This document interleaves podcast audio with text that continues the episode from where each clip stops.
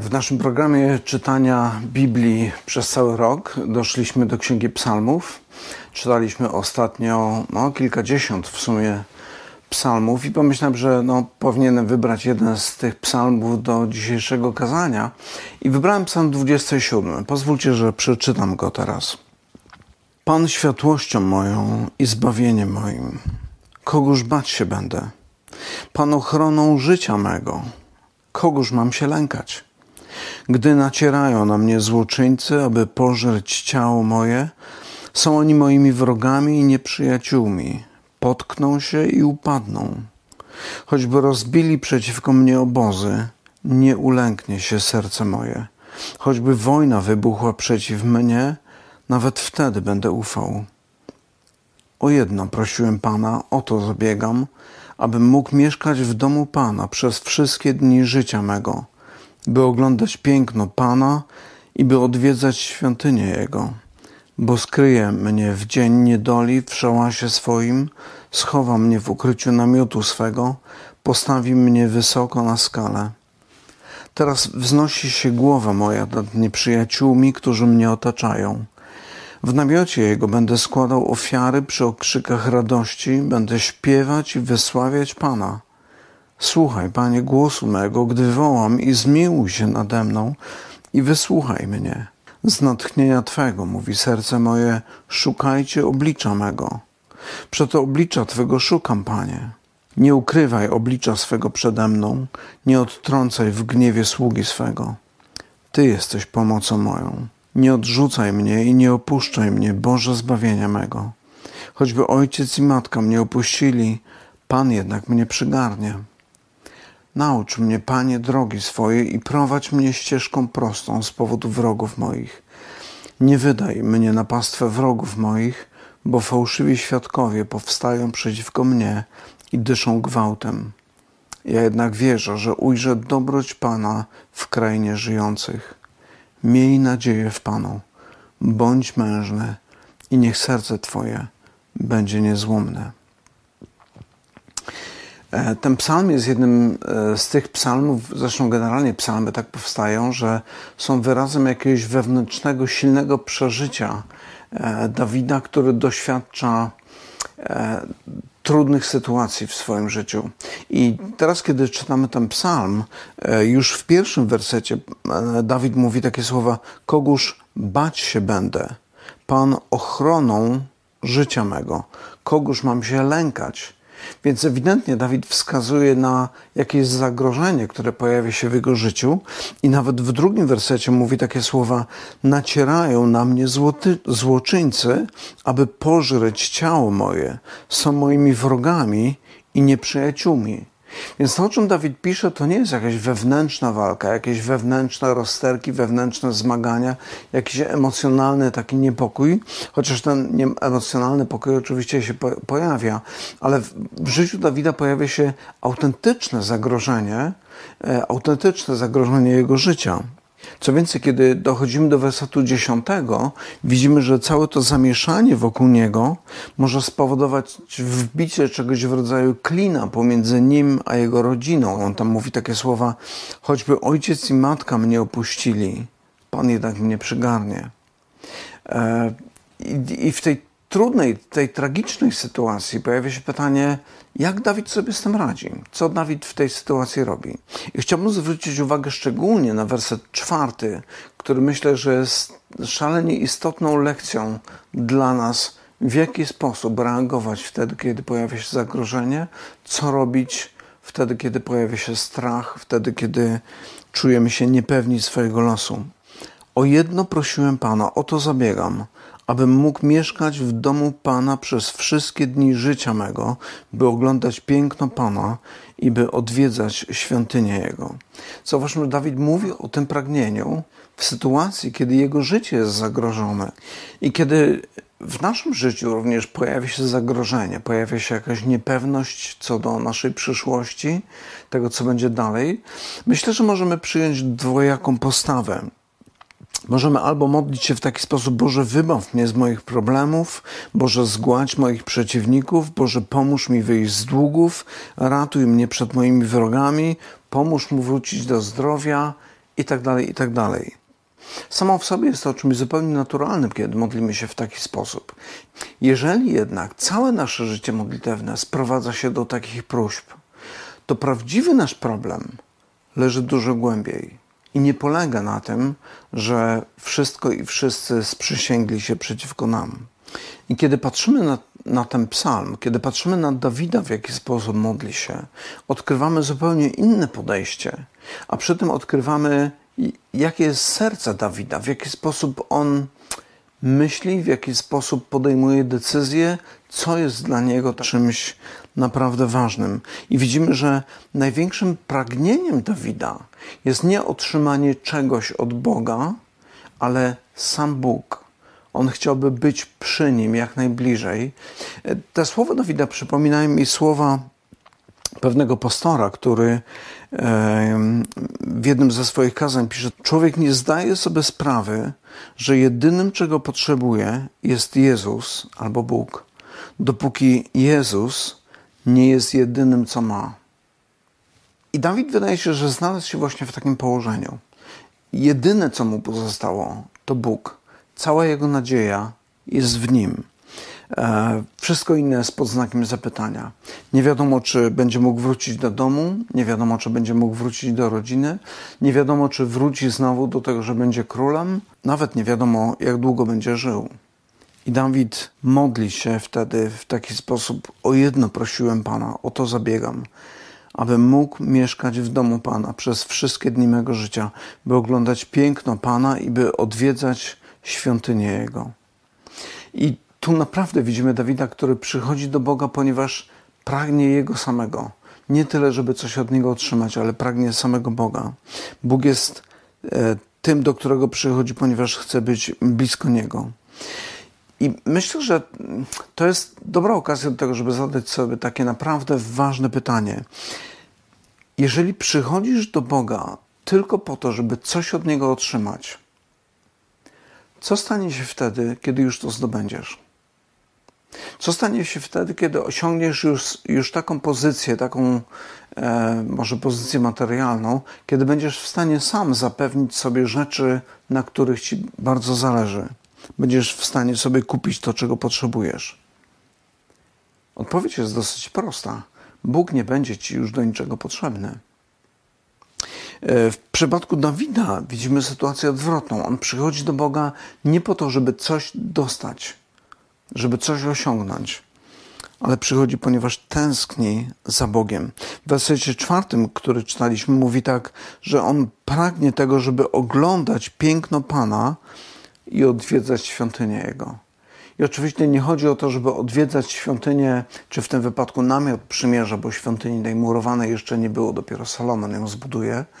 E, nie chodzi o to, żeby przychodzić do tego namiotu przymierza i podziwiać, jak on jest pięknie zbudowany, jak pięknie jest przyozdobiony, ale Dawid mówi: Ja pragnę oglądać piękno Pana, piękno samego Boga. Gdy Dawid używa tego sformułowania oglądać piękno Pana, to używa bardzo intrygującego sformułowania. To znaczy, chodzi mi już nawet o samo to słowo piękno, które mówi o czymś, co jest ostatecznym dobrem i samo w sobie jest wartością. Chyba najlepiej to widać na przykładzie muzyki. Już kiedyś podawałem ten przykład, ale podam go jeszcze raz. Wyobraźmy sobie taką sytuację młodego człowieka, który idzie do szkoły muzycznej i aby przejść z klasy do klasy, musi oczywiście zdobyć odpowiednie e, oceny i musi poznać muzykę, musi nauczyć się odróżniać dobrą muzykę od złej. E, robi wszystko też, żeby umieć wykonywać tą muzykę w sposób jak najlepszy i robi to po to, aby coś uzyskać. Kiedy już skończy szkołę muzyczną, jest gotowy samemu płacić za to, żeby ktoś wykonywał piękną muzykę, który będzie po prostu słuchał. E, zauważmy, człowiek, który idzie na koncert, e, no to tam się jak w pewnym sensie nic nie dzieje. Można równie dobrze zamknąć oczy i po prostu słuchać muzyki. I słuchanie i doświadczanie pięknej muzyki jest celem samym w sobie. Jest tym ostatecznym dobrem, które człowiek chciałby wynieść stamtąd. Nic innego nie ma znaczenia, tylko ta piękna muzyka. Ono jest czymś w rodzaju takiego ostatecznego zachwytu, który już nie ma innego celu, tylko sam w sobie jest celem. I myślę, że kiedy Dawid mówi o pięknie Pana, to coś takiego ma na myśli. W Bogu jego ostateczna potrzeba zostaje zaspokojona. I kiedy Dawid mówi o tym podziwianiu piękna Pana, oglądaniu piękna Pana, mówi o tym w kontekście świątyni, czy w kontekście namiotu przymierza. E, mówi, że chciałby mieszkać w domu Pana, chciałby odwiedzać świątynię Jego. W piątym wersecie mówi o szałasie Boga i znowu później jeszcze o namiocie. E, świątynia czy namiot przymierza w tamtym okresie były miejscem, gdzie składane były ofiary. Ofiary zastępcze, które umierały zamiast człowieka, który był winny. Świątynia miała przypominać o tym, że Bóg jest święty, że jest sprawiedliwy, ale jednocześnie, że jest łaskawy i miłosierny. I Dawid zdaje sobie sprawę z tego. Dlatego, kiedy mówi o pięknie Pana, mówi o świątyni, która przypomina o tym, jaki jest Bóg. Bóg, który jest sprawiedliwy, jest święty, ale jednocześnie jest miłosierny. I za takim Bogiem Dawid tęskni. Ta, przy takim Bogu chce przebywać, z takim Bogiem być. Przeciwieństwem tego zupełnie są ci ludzie, którzy go ścigają. Natomiast Bóg jest tym, który daje mu to niezwykłe poczucie bezpieczeństwa. I kiedy Dawid wpatruje się w to piękno Boga, to jest coś, co wyzwala prawdziwe uwielbienie. I tu przypominają mi się słowa Williama Temple, który pisząc kiedyś na temat uwielbienia, mówi takie bardzo niezwykłe słowo, używa niezwykłych słów na opisanie tego, czym jest prawdziwe uwielbienie. Mówi tak: Uwielbienie to poddanie całej naszej natury Bogu pobudzenie sumienia przez Jego świętość, karmienie umysłu Jego prawdą, oczyszczeniem wyobraźni przez piękno, które jest w Nim, otwarcie serca na Jego miłość, poddanie woli Jego celom. I kiedy myślę o pobożności Dawida, to odnoszę wrażenie, że Dawid właśnie taki jest. Że Dawid jest zachwycony tym, jaki jest Bóg. I to znajduje wyraz w prawdziwym uwielbieniu, w słowach, które pisze, w sposobie, w jaki traktuje Boga w swoim życiu. To oczywiście nie oznacza, że Dawid jest idealny, bo nie jest. Dawid jest człowiekiem takim samym jak każdy z nas, jest człowiekiem, który upada, ale właśnie dlatego, że zna Boga, zna Boga jako tego, który jest miłosierny, oprócz tego, że jest sprawiedliwy. Dlatego, że zna go w ten sposób, dlatego chce wracać do niego i zawsze, nawet wtedy, kiedy dopuszczał się strasznych grzechów, wracał do Boga i doświadczał przebaczenia. I to właśnie jest piękne w Bogu, którego czci Dawid. W Bogu, który jest właśnie święty, ale jednocześnie łaskawy. I tu jest jeszcze jedno e, takie dosyć ważne rozróżnienie. To znaczy, kiedy mówimy o tym, że Bóg jest zarówno święty, jak i łaskawy, czy sprawiedliwy i miłosierny, to e, to sformułowanie może być taką e, ciekawą teologiczną prawdą, może być pewną teorią na temat Pana Boga, ale też może być osobistym doświadczeniem, doświadczeniem ostatecznego pokoju. Pokoju, który sprawia, że człowiek przestaje się bać tego świata i przestaje się bać Boga. E, w przeciwieństwie do tego, człowiek, który jest przekonany o własnej sprawiedliwości, traktuje tę prawdę o Bogu jako tylko właśnie ciekawą informację. Ale człowiek, który odkrywa własną grzeszność, który odkrywa, jak bardzo potrzebuje przebaczenia, e, odkrywa prawdziwe piękno w Bogu. To jest taka różnica, jak pomiędzy informacją o tym, że miód jest słodki, a skosztowaniem tego miodu. I myślę, że Dawid świetnie zdaje sobie sprawę z tego, jaki jest Bóg. Wie, że jest Bogiem miłosiernym i zna to ze swojego doświadczenia. I ten rodzaj poznania Boga, ten rodzaj, który posiada Dawid, jest poznaniem, które prowadzi do autentycznego poczucia bezpieczeństwa, do prawdziwego pokoju, do pewnej nadziei i do przekonania, że nawet gdyby cały ten świat miał się zawalić, to ja i tak pozostanę bezpieczny w ręku Boga.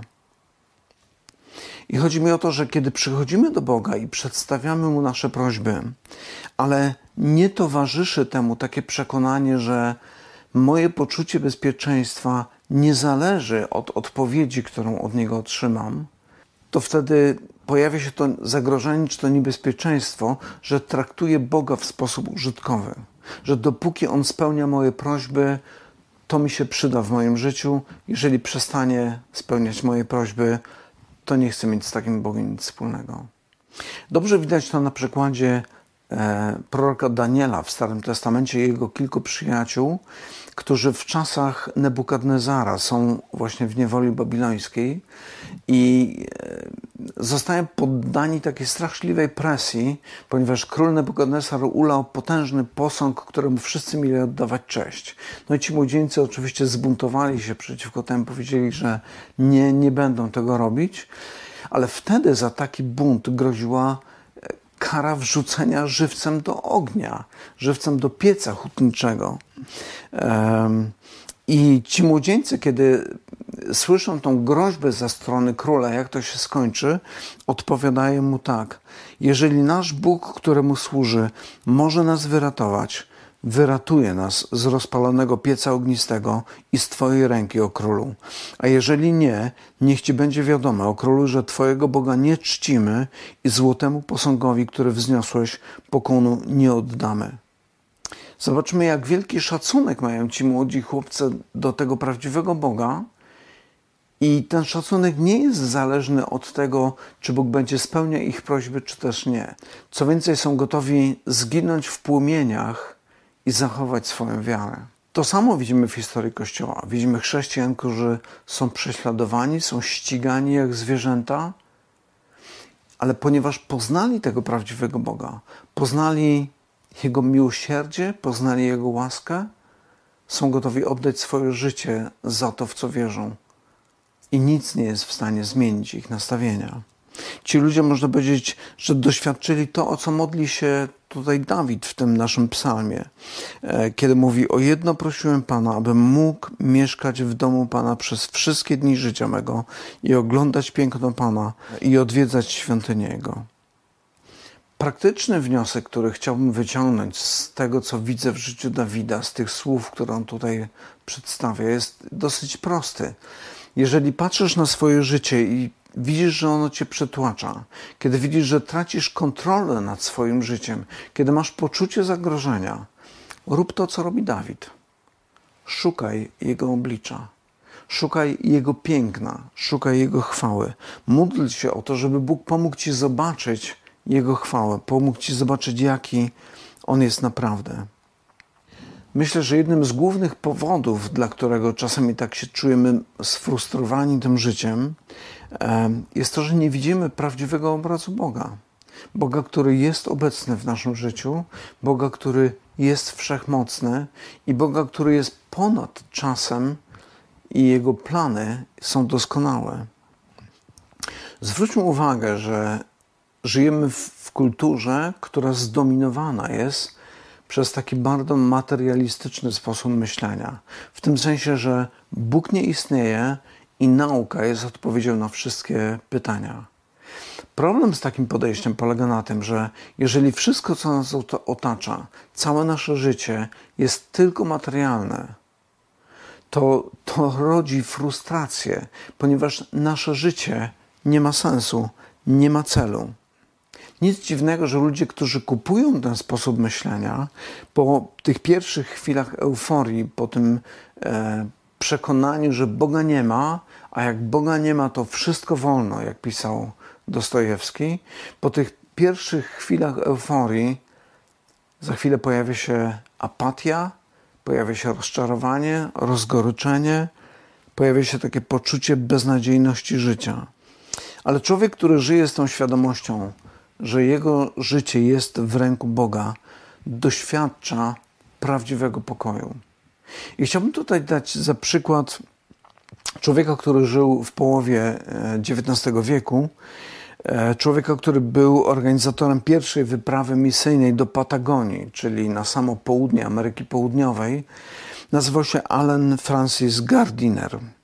E, Bardzo ciekawa postać. Człowiek, który w wieku 32 lat został komandorem marynarki wojennej Wielkiej Brytanii, ale w wieku 40 lat zrezygnował, ponieważ bardziej interesowała go praca misyjna na terenach, do których Ewangelia jeszcze nie dotarła, niż praca w wojsku.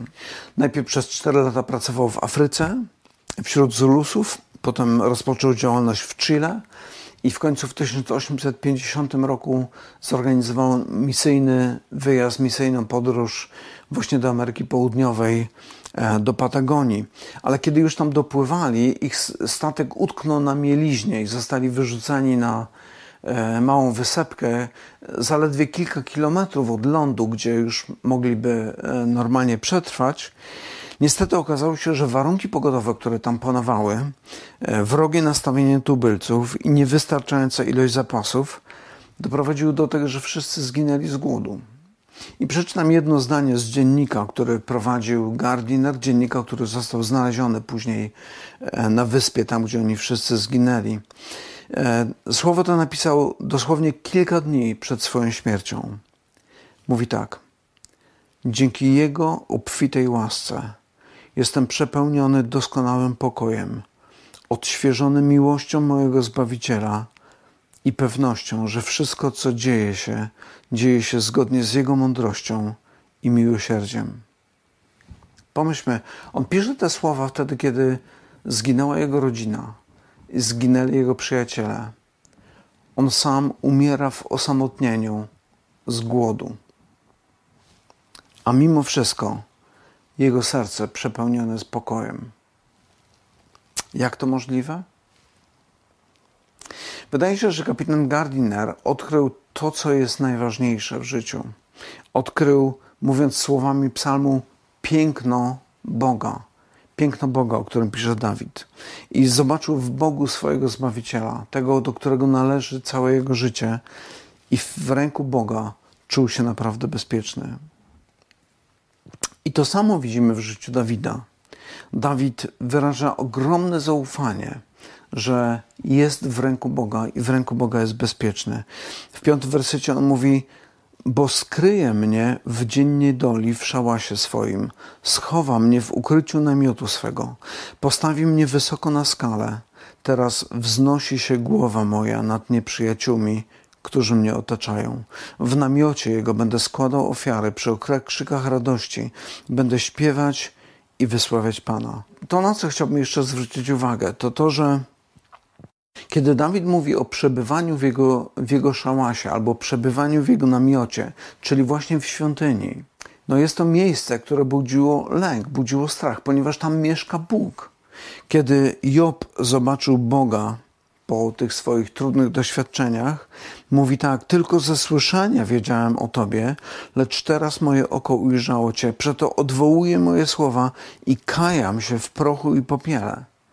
Kiedy Piotr zobaczył chwałę Jezusa, mówi: Odejdź ode mnie, panie, bo jest człowiek grzeszny.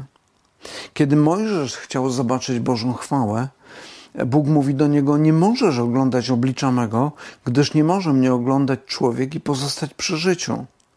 Kiedy Izajasz zobaczył Bożą chwałę, mówi: Biana mi, zginąłem, bo jestem człowiekiem nieczystych warg i mieszkam pośród ludu nieczystych warg.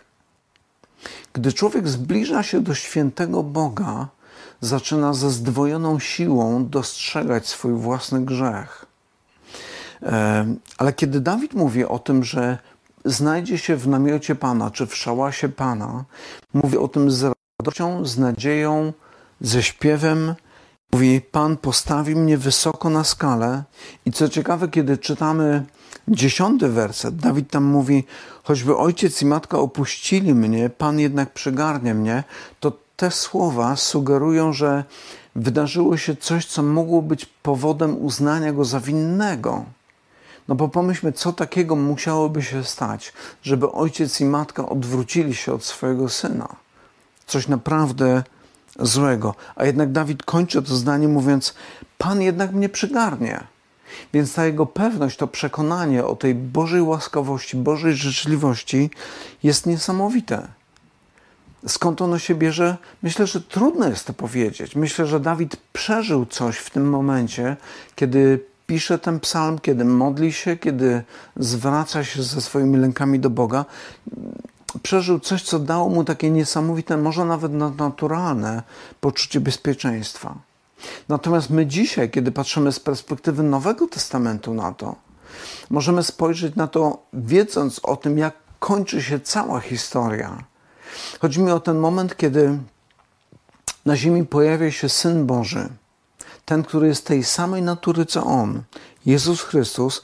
Ewangelista Jan, kiedy to opisuje, mówi tak: A słowo ciałem się stało i zamieszkało wśród nas, i ujrzeliśmy chwałę Jego, chwałę, jaką ma jedyny syn od Ojca, pełne łaski i prawdy. I ciekawe jest słowo, którego używa tutaj Jan na opisanie tego, co się dzieje. Kiedy mówi, słowo ciałem się stało i zamieszkało wśród nas, to używa czasownika, który pochodzi od słowa namiot. E, kiedy on mówi, że Chrystus zamieszkał wśród nas, to tak jakby chciał powiedzieć, że On jest naszym namiotem przymierza, On jest naszą świątynią, On stał się tym, który jest pośrednikiem pomiędzy nami a Bogiem. Jezus jest tym, przez którego mamy dostęp do Ojca. Jezus jest tym, o którym apostoł Paweł mówi, że przez Niego staliśmy się domownikami Boga i mogliśmy zamieszkać w Jego namiocie. Jak to w ogóle jest możliwe? Zauważmy, Dawid woła w tym psalmie, choćby ojciec i matka opuścili mnie, Bóg jednak mnie nie opuści. Kiedy patrzymy na Jezusa, kiedy umiera, woła do swojego Ojca, Boże mój, czemuś mnie opuścił. Innymi słowy, Jezus doświadcza tego, czego my powinniśmy doświadczyć, tego ostatecznego opuszczenia. Ale wydaje się, że kiedy Dawid pisze ten psalm, doświadcza czegoś odwrotnego, czegoś, co wypełniło się dopiero w Chrystusie, ale Dawid już tego doświadcza wtedy, kiedy pisze te słowa. Doświadcza pojednania z Bogiem, doświadcza Bożego piękna na sobie, kiedy widzi, że łaskawy Bóg przebacza jego grzechy i daje mu to przekonanie o takim prawdziwym, ostatecznym bezpieczeństwie, które jest w nim. Chciałbym zakończyć wskazując na to, że wszyscy tego dzisiaj potrzebujemy. Wszyscy potrzebujemy tego, żeby zobaczyć Bożą chwałę. I powiedziałbym nawet tak, że jeżeli doświadczasz w swoim życiu lęku, jeżeli doświadczasz strachu, niepokoju, masz poczucie utraty kontroli nad tym, co dzieje się w Twoim życiu, zaczynasz bać się tego, co jest przed Tobą, szukaj Bożego oblicza, szukaj Jego piękna. I Jego piękno zobaczysz tylko wtedy, kiedy będziesz wpatrywał się w Niego samego. A najlepszym Jego obrazem jest sam Jezus Chrystus. Kiedy apostoł Paweł pisze o Chrystusie, to już ostatni fragment, który chciałbym przeczytać, mówi takie słowa w liście do Filipian. Takiego bądźcie względem siebie usposobienia, jakie było w Chrystusie Jezusie. I opisuje nam teraz, jaki On jest, który chociaż był w postaci Bożej, nie upierał się zachłanny przy tym, aby być równym Bogu, lecz wyparł się samego siebie, przyjął postać sługi i stał się podobny ludziom, a okazawszy się z postawy człowiekiem, uniżył samego siebie i był posłuszny aż do śmierci, i to do śmierci krzyżowej. Dlatego też Bóg wielce go wywyższył i obdarzył go imieniem, które jest ponad wszelkie imię, aby na imię Jezusa zginało się wszelkie kolano na niebie i na ziemi, i aby wszelki język wyznawał, że Jezus Chrystus jest Panem ku chwale Boga Ojca. Kiedy będziesz wpatrywał się w Boże oblicze, kiedy odkryjesz Jego piękno, Jego sprawiedliwość, świętość, łaskawość, miłosierdzie, Jego dobroć, zobaczysz, jak wszystkie inne rzeczy tracą swój blask. Przestaniesz bać się tego, co może wydarzyć się w tym życiu ponieważ będziesz miał to pewne poczucie bezpieczeństwa, które tylko On może Ci zapewnić.